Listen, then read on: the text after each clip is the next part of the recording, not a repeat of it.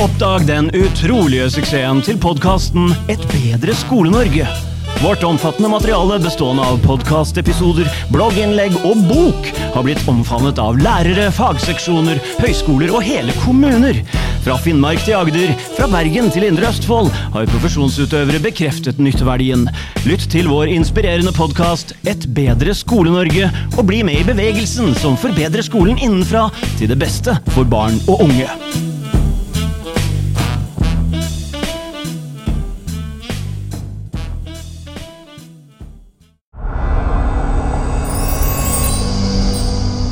Bedre Skole-Norge. Velkommen til Et bedre Skole-Norge. I denne episoden skal vi utforske hvordan man kan snu en skole med store utfordringer til en god skole som tjener både barna og samfunnet rundt. I boken At venda en skola, en rektors erfarenheter, deler Linnea Lindqvist sjenerøst av sine erfaringer om hvordan hun sammen med kollegaer vendte skolens resultater og ga elevene muligheter til å lykkes. Dette var hardt arbeid, og hun sier ærlig at hun gjorde det i et skolesystem som egentlig ikke fungerer. Gjennom å etablere en velfungerende arbeidsorganisasjon, fokusere på trygghet og et godt læringsmiljø, samt å innføre effektive rutiner, klarte Linnea Lindqvist å snu en skole i et utfordrende område i Göteborg. Kunnskapsresultatene ble betydelig bedre, elevene lærte å lese tidligere, og skolen ble preget av ro, stabilitet og trygghet. Bli med når vi utforsker hvordan man kan skape en god skole til tross for utfordrende omstendigheter. Vi tar lærdom av Linnea Lindqvists innsiktsfulle rektorerfaringer og lærer hvordan vi kan gi elevene de beste mulighetene til å oppleve god læring og muligheter til å kunne få gode liv. Velkommen hit, Linnea. Tack så mycket. Et bedre Skole-Norge. Skole-Norge. Kan du fortelle litt om deg selv? Eh, Ja, Linnea heter jag och ehm, jag brukar säga att jag är ju inte rektor, jag arbetar som rektor. Eh, Jag är lärare i toppen eh, men har arbetat som rektor sedan 2013. Mm. Först i förskola och nu i grundskola sedan 2016. Mhm. Det var så gøy å komme over boka di, fordi den heter At venda en skole, og jeg har gitt ut en bok selv som heter Hvordan skape en god skole. Så jeg følte plutselig at jeg fant eh, en ekvivalent på den andre sida av grensa. Precis. Ja, og du bor og jobber i Göteborg, så vidt jeg skjønner, som er, det er ca. to og en halv times kjøring eller noe sånt fra Fredrikstad, her hvor jeg sitter. Så, og der har du jobba en stund, men tidligere har du også jobba i Stockholm, er ikke det riktig? Ja, jag har arbetat i Husby, Rinkeby och Kista som är eh, utsatta områden i Stockholm då. Så att nu arbetar jag i Hammarkullen som är ett utsatt område i Göteborg. Så att jag har eh, hållit mig i förorterna. Mm. Och i Norge så har vi faktiskt ett begrepp som heter svenska tillstånder. Det beskriver då tilstander där det är väldigt mycket, jag vill säga våld eller där det är ett utsatt eh. Eh, ja, for å spørre helt sånn tabloid spørsmål, er du ikke redd for å jobbe i sånne områder? Nej, verkligen inte. Det är väldigt lugnt i Hammarkullen. Jag upplevde att det var lugnt även när jag arbetade i Rinkeby. Vi i skolan har ju vår vanliga skolvardag med våra rutiner och eh, arbetssätt. Eh, Så att nej, jag har aldrig varit rädd på jobbet. Mm. Det er godt å høre. Det er jo veldig meningsfylt å jobbe i sånne områder, vil jeg tro, fordi da kan man jo utgjøre en desto større forskjell, vil jeg påstå. Så det er jo Noen forskere sier at de beste lærerne bør jobbe på de skolene med mest utfordringer, osv., osv. Så sånn at uh, i min bok så er det ikke noe sånn at uh, det å jobbe på et uh, elitegymnas med bare høyt akademisk presterende elever, det høres ut som en mye enklere jobb enn å virkelig gjøre noe bra for samfunnet via med, å jobbe med integrering og få til gode ting i utsatte områder. Men dere deler også inn områdene i ulike, i ulike definisjoner, er ikke det riktig? När man säger att som Hammarkullen då ett särskilt utsatt område, det har inte att göra med skolan utan det är polisens liksom, kategorisering för att se hur, hur kan de utföra sitt arbete och det är svårt för dem i Hammarkullen. Eh, så att, men när vi fördelar resurser till exempel till skolan i Sverige, då gör vi inte det utifrån polisens definitioner utan utifrån vilka elever som går på skolorna så att säga. Eh, så att det finns ju även skolor som ligger i Hammarkullen som har ett helt annat socioekonomiskt underlag än vad jag har för att det finns även ett villaområde i Hammarkullen. Så att även själva Hammarkullen är ju segregerat. Och mm. även, vi, även givetvis Göteborg är ju en väldigt segregerad stad. Så att det, vi, vi fördelar inte resurser utifrån polisens definition på särskilt utsatta områden utan det är ju vilka elever som går på skolorna. Mm. Vilka definitioner är det politiet opererar med? Dels har de ju då riskområde. De har utsatt område och särskilt utsatt område. Och det handlar om att möjligheten att utföra sitt arbete. Och det handlar ju om liksom vilken nivå av kriminalitet det finns i området till exempel. Sen tittar man ju även på socioekonomi då. Då tittar man ju på eh, försörjning, alltså kan man försörja sig själv. Eh, man tittar ju på utbildningsnivå till exempel. Och det är det som vi fördelar resurser utifrån. Andelen föräldrar med eftergymnasial utbildning är ju en av de faktorerna som väger väldigt tungt när vi fördelar resurser till skolorna. Mm. Så att en elev på Hammarkuskolan som inte har föräldrar med eftergymnasial utbildning genererar ju en högre total skolpeng än en elev som har föräldrar med universitetsutbildning som kanske bor i en villa eller en bostadsrätt. Bara för att se om jag skönte det riktigt så är det så att om föräldrarna har lite utbildning så får de mer i utbildningsstöd än om föräldrarna har mycket utbildning. Är det så? Ja, i Sverige har vi ju lagstiftning om bidrag på lika villkor. Så att grundbeloppet är samma för alla elever i Göteborg. Men 81 procent av skolpengen är samma för alla. Sen har man 19 procent omfördelning av skolpengen. Och det betyder att elever som går i skolan i Hammarkullen eller ett annat område som heter Lövgärdet som är särskilt utsatt. Eller kanske Biskopgården kanske man har talat om, skrivs mycket om. Där får man ju ändå en högre skolpeng för att det är lägre andel föräldrar där som har eftergymnasial utbildning. Man har högre andel nyanlända elever. Man har högre andel elever med ett annat modersmål. Mm. Men själva grundbeloppet till skolpengen är samma för alla. Men sen så omfördelar man och ger lite extra pengar då till de elever som behöver mycket stöd i skolan. Jag känner inte detaljerna i Norge, men jag vet att det är någon extra stöttebidrag som blir gitt till vissa skolor som har större utmaningar. Men intrycket mitt är väl att det ofta inte är nog då, eh, till att kompensera för ja, det, det, kan bli en uppsamling av väldigt många elever som har stora utmaningar kanske på f.eks. videregående och så, så är det väldigt vanskelig att hantera de utmaningarna. Jo, det, det går ju inte att kompensera för segregation med pengar. Eh, det går ju inte. Det vi kan göra med de extra pengarna är att ja, men ha lite fler lärare. Vi kan jobba kanske med mer stöd i svenska språket. Vi kan jobba mer med eh, stöd i läsningen och så vidare. Men man kan inte liksom kompensera för segregationens konsekvenser. kan vi inte kompensera med pengar bara, givetvis. Men det är ju ett, ett stöd att ge lite extra hjälp till eleverna. Mm. Jag vet att du är väldigt engagerad i um skolpolitik och, och hur skolsystemet är byggt upp i Sverige. Det kan vi gott ta en episod om senare, men om du ska si väldigt kort om hur skolkontexten är i Sverige på runt sån tre minuter eller något sånt, vad, vad är det viktigt att norska lyttare vet om uh, den svenska skolkontexten? Nej, men det som är unikt med Sverige, som, som inget annat land i världen i princip har kopierat, det är ju att vi dels har fri etableringsrätt av enskilda huvudmän. Eh, vi har bidrag på lika villkor, att grundbeloppet för elever i kommunal skola och i enskild huvudman, friskola, är samma. Men det är kommunen som har ansvar för att se till att alla barn har skolplacering. För att i Sverige har vi skolplikt. Du måste gå i skolan. Inte, inte i gymnasiet, men grundskolan är skolpliktig. Eh, och sen har vi då fri, fritt vinstuttag. Du får plocka ut hur mycket vinst du vill. Och den här kombinationen är ju väldigt ovanlig. Det är inga andra länder som har helt fritt vinstuttag, fri etableringsrätt och den här finansieringsformen. Vi har även aktiebolag, tillåter vi i Sverige i skolan. Vi har stora skolkoncerner eh, som ägs av utländska riskkapitalister det är också väldigt ovanligt. Vi har ju ägare som eh, håller till på Caymanöarna och Luxemburg och Tyskland och så vidare. Det är väldigt ovanligt.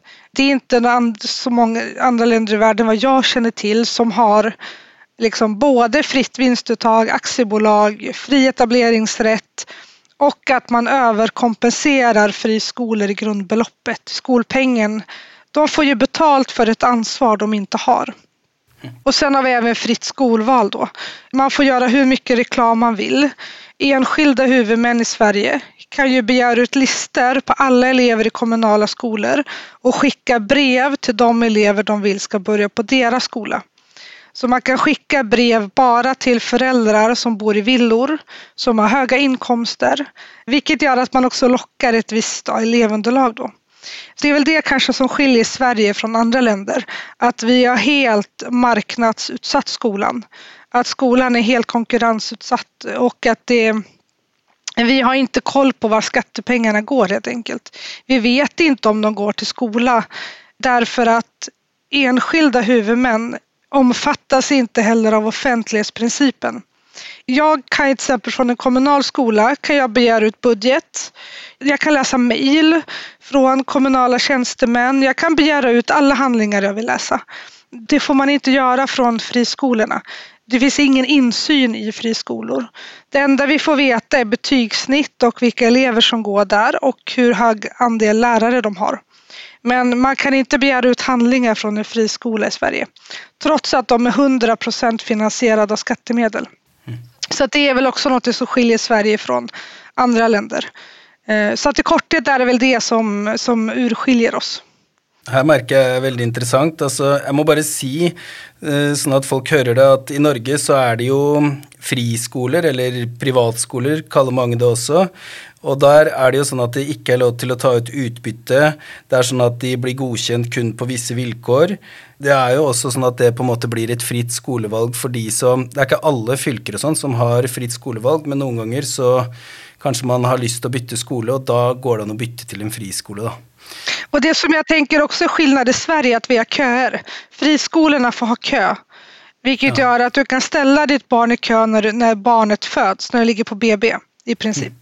Och det kan göra då att om du flyttar när barnet är fem år, då kommer du inte in på någon skola du vill för att du kanske hamnar på plats 4000 i kön. Oj. Så att eh, friskolorna har helt andra villkor i Sverige än kommunala skolor. Men de finansieras av kommunens pengar så att säga. Det är kommunen som finansierar friskolorna. Men man, får, man har ingen insyn i dem, man får inte bestämma någonting. Man ska bara betala. Jag tänkte privatskolor i Sverige.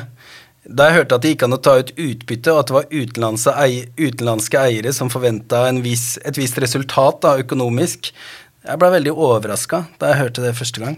Det är väldigt ovanligt att länder har den konstruktionen som Sverige har. Mm. Men eh, nu hoppar vi vidare till den historien om eh, Hammarskullskolen som du tog över i 2016. Eh, Hammarskullskolen är en barnskola med drygt 200 eh, elever. Föräldrarna till 26 procent av eleverna har högre utbildning, något som betyder att de flesta inte har det. Og skolen må kompensere så godt de klarer for foreldrenes manglende utdanningsbakgrunn. Det var omfattende problemer med at barn ikke lærte seg å lese på tida, och mycket annat. Stämmer inte det? Ja, men det stämmer. När jag kom till skolan så, det här har ju varit en skola upp till årskurs 9 förut. Och sen 2012 gjorde man om det till en lågstadieskola som det heter i Sverige. Så att jag har ju barn från 6 år till 9 år. Så de börjar i förskoleklass när de är sex år gamla och de går till oss, hos oss till årskurs tre när de är nio år gamla.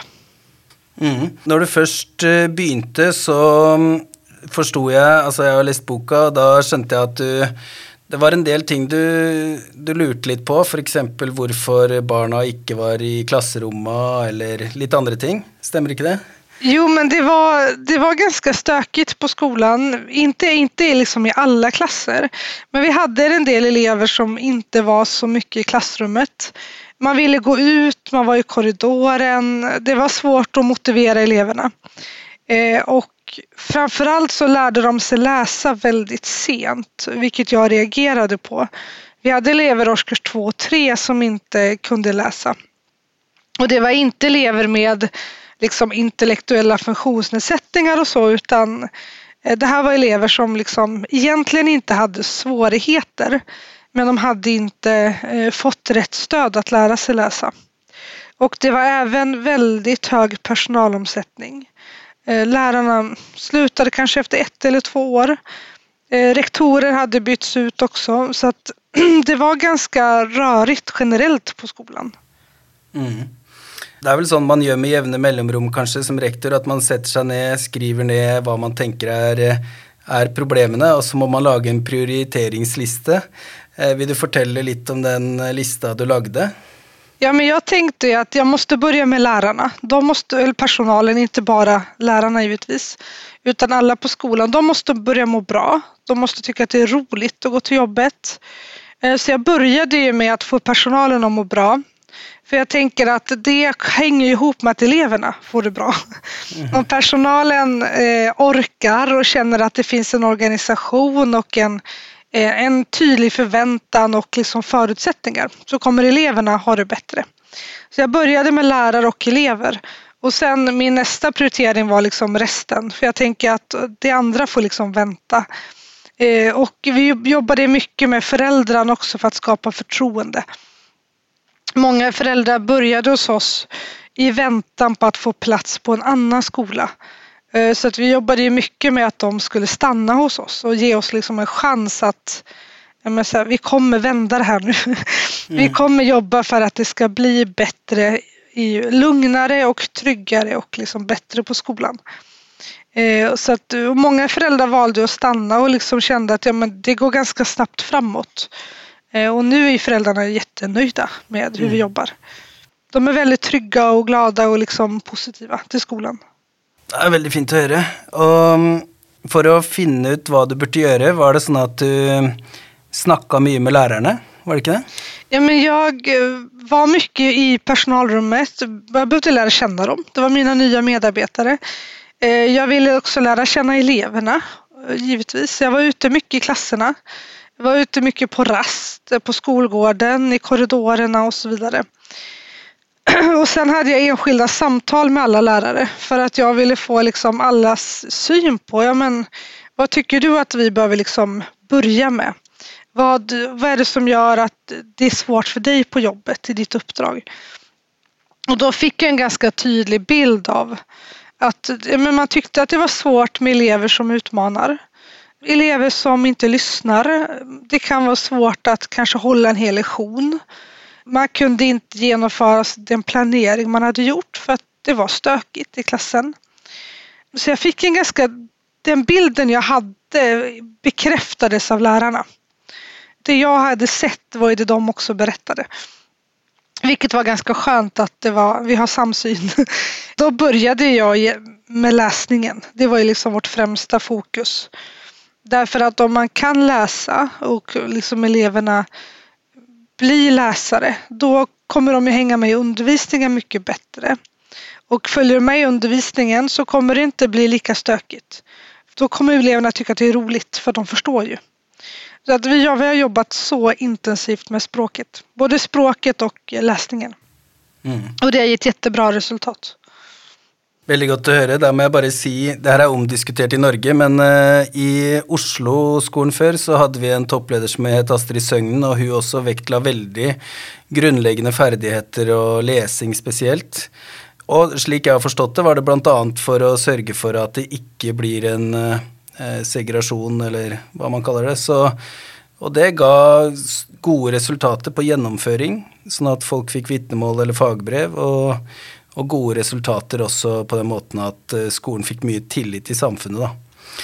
Men eh, nå fortsetter vi, og noe som du gjorde da, så vidt jeg skjønner, det var at du begynte med en del rutiner og skape mer tydelighet i organisasjonen, for det var, som du sa, så hadde det vært flere rektorer, det var mange lærere som begynte og slutta etter, etter et år eller etter, et, etter to år.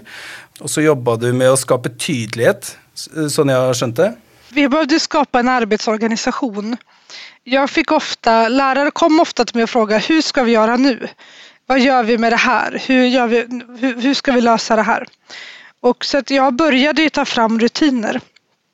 Och att liksom att ta fram rutiner är ganska lätt, det är bara att skriva ner dem. Men sen att implementera dem, att alla ska börja följa dem, det är svårt. Och det tar jättelång tid. Jag håller fortfarande på att repetera vissa rutiner så att det ska sitta i ryggraden. Och det skapade ju efter, allt eftersom så blev det ju mycket lugnare i personalgruppen. När de visste så här, men här står det faktiskt hur vi ska göra om det här händer. Och det var liksom väldigt små saker till ganska stora saker som brand eller om vi behöver ge en inrymning, om det är något, något som händer i området. Vi pratade mycket kring det här med att ha liksom en trygghetsgrupp skapade vi. Där vi började jobba också med hur ska vi hantera elever som utmanar oss.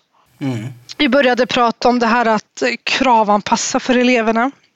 Lärarna fick också fortbildning kring autism, till exempel ADHD och så vidare.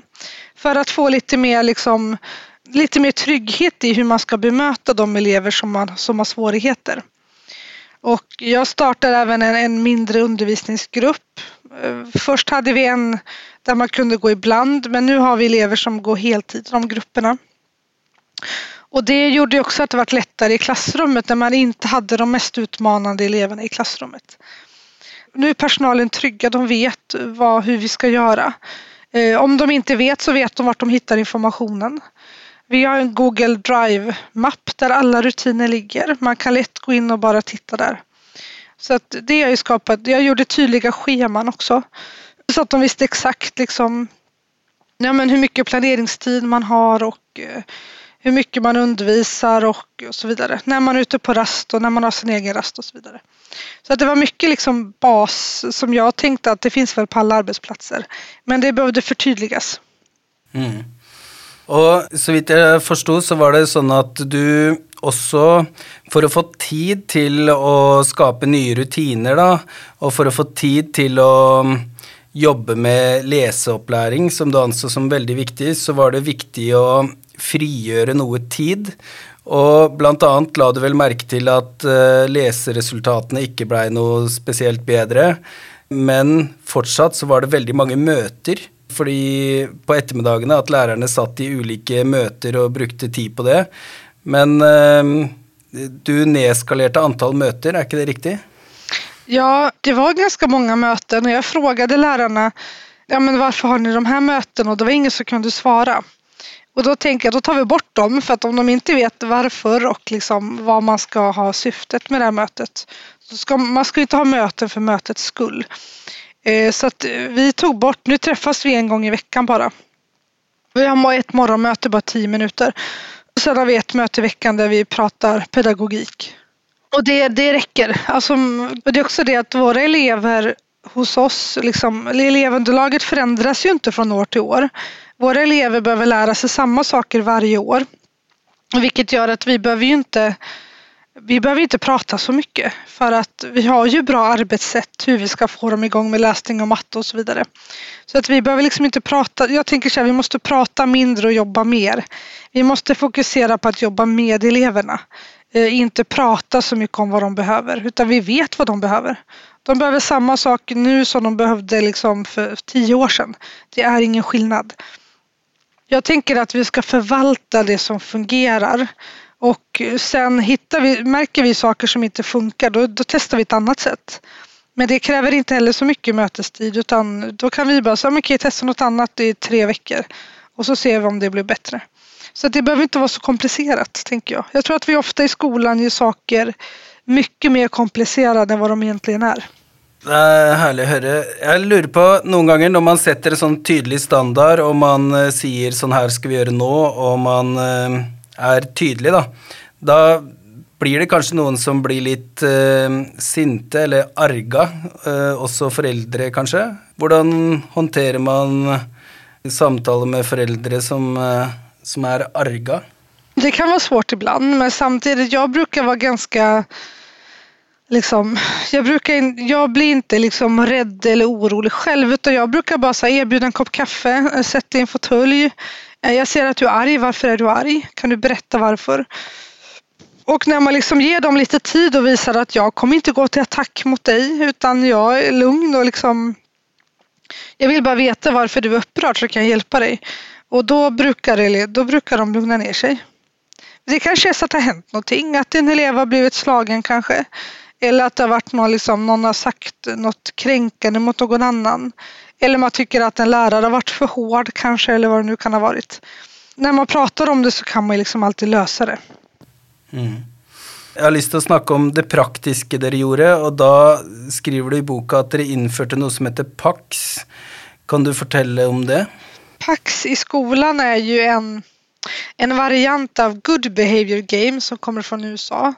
Eh, det är ursprungligen från Kansas men har ju eh, det mest kända är det man har jobbat med i Baltimore. Och Baltimore var ju på 60, 70, 80-talet väldigt segregerat. Det är det fortfarande men då var det en av de mest segregerade delstaterna. Och då var det en lärare och en psykolog som började arbeta fram eh, PAX eller Good Behavior Games som det heter på engelska. Och det handlar om, då, då är det tio verktyg, tio nycklar som läraren använder. Och det används då för att träna grundläggande förmågor hos eleverna. Så då tränar man på till exempel mm, uppmärksamhet, man tränar på följsamhet och man tränar på koncentration. Och det här är till exempel så har alla lärare på Hammarkullskolan ett munspel runt halsen. Och det använder vi i Pax Lyssna. Det använder vi då när vi vill ha uppmärksamhet från eleverna. Så att när vi spelar i munspelet då är alla elever tysta och tittar på läraren. Eh, vi använder stickor, med, alltså glasspinnar med elevens namn. Eh, för att då lyssnar de mer uppmärksammat för de kan när som helst få en fråga. Vi jobbar med Pax och Blim där Pax är bra saker att göra, Blim vill vi att de inte ska göra. Så att det är tio olika nycklar då som man, man använder också olika röstlägen där barnen vet att 10 cm röst, då är den här nivån. Eh, en meter, då är det den här nivån och så vidare. Så att det här är liksom ett, ett, ett sätt att i, i skolvardagen så tränar vi följsamhet och koncentration. Och eh, Pax handlar ju om att skapa en gemensam liksom, vision för klassrummet. Att hur ska vi vara mot varandra i den här klassen? Vi har skalat upp den visionen till hela skolan också. Våra ordningsregler bygger på Pax. Och nu har ju alla lärare eh, gått utbildning så att alla lärare är nu eh, utbildade i Pax och arbetar med det aktivt. Så att våran skola har ju blivit väldigt, väldigt lugn. Och det är ganska, lärarna tycker att det är skönt att liksom att alla elever också vet eh, hur de ska agera på de här eh, signalerna som vi använder. Och det är mycket tecken, vilket gör att man, bilder, vilket gör att man förstår även om man inte kan svenska. Så förstår eleverna vad de ska göra. Och de tycker att vi leker, men vi tränar ju förmågor då. Och Pax är väldigt gynnsamt för elever som växer upp i socioekonomisk utsatthet. Eftersom att våra elever kommer till skolan utan skolnormer. Alla våra elever har helt olika förståelse för hur man uppför sig. Så att vi behöver liksom inom situationstecken uppfostra barnen. Vi behöver uppfostra dem i skolnormer. Och då är Pax ett väldigt bra hjälpmedel för det. Det blir tydligt för lärarna. Det är väldigt tydligt för dem hur de ska styra eleverna. Och eleverna vet vad de ska göra när de har munspelet eller när vi tar fram timern eller om vi pekar på bli vet de att det där var inte bra. Det handlar också om pre-corrections. Alltså att vi, vi korrigerar innan det händer. Vilket gör att vi förebygger beteende som, är, som vi inte vill se. Så att säga. Vi förebygger att det sker. Och det gör att, att eleverna lär sig ju liksom hur man ska bete sig utan massa nej, utan massa skäll och utan tillsägelser. Utan vi använder ju Paxoblim och vi, vi vet ju också vilka, vilka saker vi ska liksom inte ta konflikter kring just nu och vad vi fokuserar på. Det finns ju Pax i Sverige då som Pax i skolan i Sverige då som undervisar i det. Och där kan man bli certifierad och sen får man börja utbilda lärare då. Det är två dagars utbildning så det är ganska, det är inte så stor eh, uppoffring för skolan. Väldigt, väldigt bra arbetsmetod. Jag gjorde så i början att jag tvingade ingen lärare utan vi, min psykolog och jag introducerade Pax och vad det är för någonting. Och då var det två, tre stycken som ville testa. Och sen berättade de för sina kollegor om Pax. Då var det några fler som ville testa och eh, nu vill alla vara med på det. Men det har tagit ungefär fem år att introducera det. Mm. Men jag tror att det är viktigt som rektor att inte slå metoder i huvudet på lärarna och säga nu ska alla jobba med det här utan det måste komma från dem. Mm. Jeg bare la merke til psykolog. Er det I Norge har vi kanskje noe som heter sosiallærer eller rådgiver, men er det tilsvarende, da? Eh, vi har, en psyko, vi har två psykologer i vårt område. Så på tre skolor har vi eh, en och en halv psykolog så att säga. Mm. Och deras uppgift är ju då främst att handleda lärare men även att utreda barn med intellektuella funktionsnedsättningar. Då. Mm. Jag måste bara säga, det du säger, alltså jag har läst en del olika forskning, och det finns eh, engelsk forskning av en som heter Alex Hill och kollegor från runt 2016, och de säger att när det är eh, uh, utfordringer på en skola så bör man alltid börja med uppförseln och det att lage gode regler uh, først, og skape felles, et felles regelsett. Og det fins også norsk forskning som viser at hvis alle lærerne bruker de samme reglene, altså hvis man har felles regler, så øker også den indre motivasjonen til elevene. De har funnet en sammenheng der, da. Det er Wendelborg og, og co. oppe i Trondheim som har funnet ut det. Så det gir veldig gjenklang i forskning, det her, da. Ja, jag, jag, tänker att det här är liksom ingen rocket science eller tycker hur man vänder en skola utan vi har liksom bara gjort Ehm, jag tänker så här, läsningen är helt grundläggande när du börjar sko din skolkarriär. Mm. Vi jobbar ju nu med att de ska kunna läsa i förskoleklass. Eh, vi har ju en ändring jag gjorde också var att jag la, eller placerade grundskollärare i förskoleklass. I Sverige kan man ju läsa till förskollärare och då får man jobba i förskoleklass men du har ju inte utbildning i läs och skrivutveckling. Men jag valde då att ha grundskollärare i förskoleklass. Så att vi gör i princip årskurs ett två gånger. För att vi jobbar med läsa och skriva och eh, subtraktion och addition i förskoleklass. Mm. Här kan många norska lyttere bli sånn, eh, få litt piggende ut, fordi i Norge så innførte vi jo førsteklasse for seksåringer for lang tid tilbake, og det man har sett i Norge, er at det ikke har hatt noe effekt da, på i hvert fall på PISA-tester og sånn, men det er en helt annen diskusjon, så vi, jeg bare sier det for å avvæpne litt. Men i boka skriver du om noen prinsipper for å snu om på en skole. Kan du røpe hemmeligheten, som mange rektorer sikkert uh, lurer på? Tänkte du på de principerna i slutet, eller? Ja, ja ja. Nej, men jag har två principer jag har jobbat efter i många år. Och den ena är att eh, ett nej är ett långsamt ja. Man får alltid som man vill om man inte ger upp. Och den andra är att inte fråga om lov för då kan man inte få nej. När jag som rektor vill genomföra något så ska jag bara göra det. Och inte hela tiden vara ängslig och fråga min huvudman eller någon chef eller så. Utan det är bättre att göra det du tror på och sen får du spela dum om du får skäll helt enkelt. Men att man bara ska köra på liksom. Noen ganger är det vanskelig att få andra over seg til å skjønne både kontexten och allt sånt òg, så jeg også har vel et motto noen ganger om at jeg sier ifra hvis det er noe, eller mer at jeg bare gjør det jeg mener er best, da. Og det mener jeg man må som leder, da. Man må bare lede. När man kommer till en skola som har jättestora problem, jag tänkte att jag behöver bara köra på. Mm. Jag kan inte liksom fråga om lov om allting utan vi var, jag var tvungen att, att jobba snabbt för att elevernas skolgång kommer ju inte i repris. De går ju i skolan här och nu. Vi kan ju inte vänta i tio år och tänka att det kanske blir bättre. Så att jag jobbade på väldigt, väldigt snabbt tempo i början. Mm. De första åren. För att jag tänkte vi kan ju inte vänta och se om, för det, det blir ju, händer ju inte av sig själv. Mm. eh, därför så var jag, jag valde att bara köra liksom och göra det mm. jag tror är bäst. Och mm. Eh, det har ju blivit bra. Det har vi mm. jättebra resultat, personal som stannar. Så att det är en väldigt välfungerande skola. Mm. Det er veldig godt å høre, og det her eh, det er kjempe, kjempebra. Noe som du skriver i boka, er at du ikke har spesielt mye tro på forskning, og du har alt eh, sagt det, det er ikke alltid det er noe rock and science, men eh, når jeg leser boka di Jeg leser jo mye forskning og er veldig interessert, jeg er bare veldig sulten på ny forskning og hva som fungerer og sånn, og, Jeg må jo, må si at det du har gjort, harmonerer veldig med Nå har jeg allerede nevnt eh, Alex Hill og Wendelborg, men også det fins en oppsummeringsartikkel av noen som heter Grissom, som, som, sier at man må mestre organisasjon, det mellommenneskelige, og så instruksjonen i klasserommet. og Det høres ut som du begynte med det mellommenneskelige, fortsatte med organisasjonen, og deretter så vektla du leseopplæring og instruksjon. Ja, men jag tänker man behöver inte forska för att förstå hur man ska göra för att leda en skola.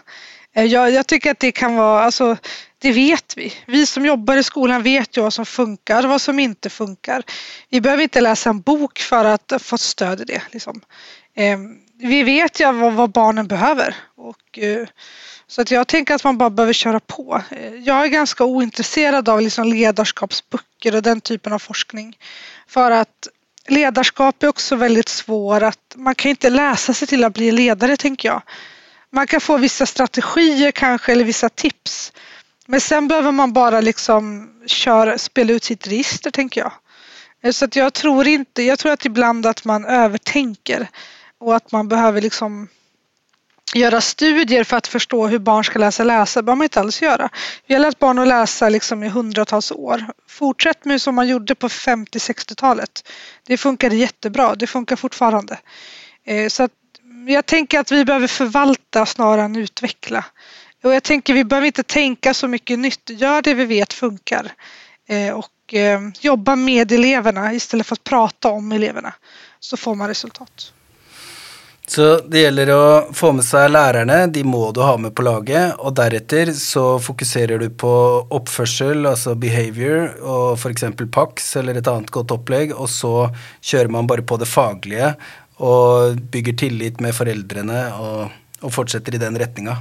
Ja, och jag tänker att man, vi måste se till att de lär sig läsa tidigt. Ja. Jag gjorde också så med min socialpedagog hit, eller fick, fick kontakt med pensionerade lärare som har gått i pension. Eh, och de har haft läxhjälp hos mig nu under två års tid. Mm. Vilket har varit guld värt för det är så gamla tanter som har lärt barn att läsa de senaste 40 åren. De är ju fantastiska på det. De är liksom 70-75 liksom allihopa. Och de är så duktiga på att lära barn att läsa. Så de här metoderna de lärde sig för 40 år sedan de håller ju fortfarande. Så vi behöver inte hålla på att utveckla utan förvalta och liksom ta efter hur man lärde barn att läsa för 30-40 år sedan. För det, det, har inte förändrats. En hjärna är en hjärna fortfarande. Mm. Eh, barn, alla barn lär sig på samma sätt. Mm. Sen har man olika förutsättningar i skolan, det är något annat, men alla lär sig på samma sätt. Och därför behöver vi inte massa nya metoder. Utan vi behöver förvalta det som har fungerat i alla tider. Jag är liksom ingen utvecklingsrektor. Jag, är snarare förvalt- alltså, jag tycker vi bara ska fortsätta med det som alltid har funkat. Lägg inte tid på att hitta massa nya grejer för det tar tid från grunduppdraget. Mm. Och det är att lära barn läsa, skriva, räkna. Jag är ju helt enig med dig, men det kommer an på kontexten. För jag jobbar på videregående och då är det så att om eleverna inte har någon motivation i det hela tatt, så måste du också jobba med lite andra ting. Men eh, det er en helt annen diskusjon, så vi trenger ikke å ta den nå. Men det jeg lurer på også, når vi sitter og snakker og sånn, det virker som at du anser deg selv som en forvalter i samfunnet, og, men hva er det som motiverer deg, og hvorfor Altså, du skriver jo også i boka at uh, da du tok over den skolen, så sa du til til mannen din eh, noe sånt som sånn Vi ses om noen år, nå skal jeg, nå skal jeg bare jobbe på. Så hva er det som du har jobba i Rinkeby tidligere, altså i forskjellige områder i Stockholm, og nå tok du over skolen der. Det virker jo som du dedikerer deg veldig i det du gjør. Hva er det som motiverar dig till att putte så mycket tid och energi in i det? Nej, men det är väl att det är så himla roligt att se barnens progression. Jag blir jätteglad när barn kommer in till mig och berättar så här, nu har jag, nu har jag lärt mig att läsa. Eller liksom att barn kommer in och berättar om en bok de har läst eller att de har lärt sig lösa matematiska problem eller vad det nu kan vara. Eller att vi har fått bukt med beteendeproblem. Så att det är väl elevernas framgångar som gör att som jag orkar fortsätta. Och jag funderar ju mycket på hur vi kan liksom bli bättre och hur vi kan bli liksom skarpare och hitta de elever tidigt som behöver stöd. Och det är så himla roligt tycker jag att arbeta med den här elevgruppen. Och den här föräldragruppen är helt fantastisk att jobba med. De vill verkligen samarbeta, de är så otroligt engagerade. Eh, och liksom verkligen bryr sig om hur det går för deras barn. Eh, på ett bra sätt. De ser upp till oss, de ser upp till lärarna. Eh, lärarna upplever ingen press och hot från föräldrar som man kan göra i andra områden i Sverige. Utan det är väldigt stor respekt för oss i skolan. Och sen ser man ju elevernas glädje. Det bara lyser ur ögonen på dem när de kommer till skolan. Och det är väldigt kul. Man blir glad när man träffar dem. Mm. Men det är hårt arbete. Jag har jobbat alldeles för många timmar i veckan de senaste åren. Mm. Men eh, nu kan vi börja förvalta det vi har byggt upp. Så nu ska jag börja ta det lite lugnare. Mm. Så bra. Det är detsamma som motiverar mig. Alltså det att uppleva att man utgör en forskjell och man ser det är en helt annan følelse enn å f.eks. tjene penger, selv om det kan være godt å tjene mye penger, eller noe sånt, så er det noe med det å vite at du skaper noe ute der som betyr noe for andre. Det er noe helt eget som bare Det er en annen kapital, hvis jeg kan si det sånn. Det er liksom Det er noe som du bare det er utrolig tilfredsstillende, rett og slett. Tusen takk for at du, eh, du har tatt deg tid. Er det noe annet du tenker er viktig å si når du først, uh, først er eh, her? Nej, men det jag försöker beskriva i boken det är också hur vi lär barn att läsa tidigt och det hoppas jag att fler skolor kan ta efter för de metoder vi har, liksom, det arbetssätt vi har sett funka, det gör ju att eleverna lär sig läsa när de är sex år. Och det tänker jag kommer gynna deras kunskapsutveckling. Och i boken skriver jag också mycket om skolbibliotek. Vi har ju en skolbibliotekarie på heltid trots att det bara är 200 elever och det är väldigt unikt i Sverige. I Sverige är det bara 48 procent av eleverna som har tillgång till skolbibliotek. Trots att det är lagstadgat så har man inte, de flesta skolor har inga bibliotek. Och det har gjort att våra elever lär sig läsa mycket bättre, mycket tidigare och att eleverna blir tänkande läsare. Så skolbiblioteket har en helt avgörande roll om man ska ha en läskultur på en skola.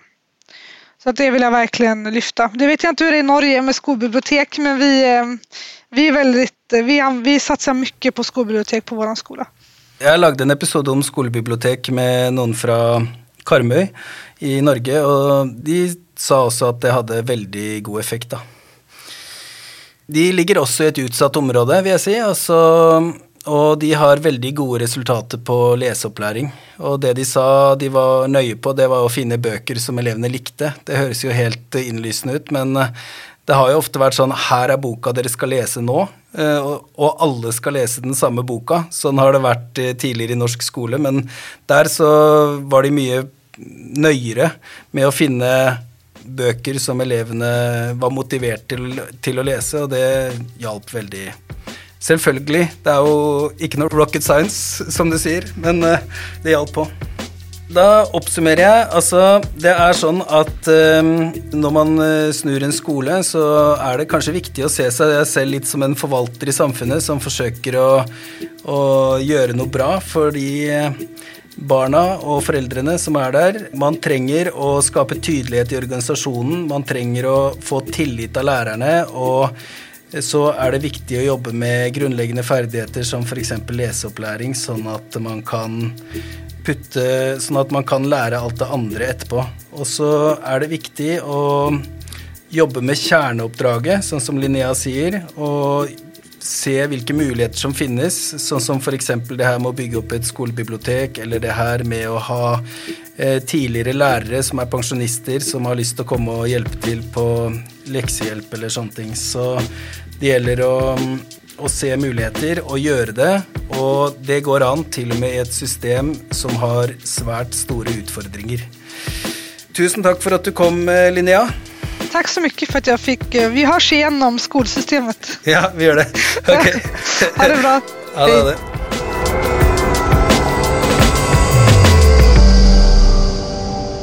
Et bedre Skole-Norge. Skole-Norge.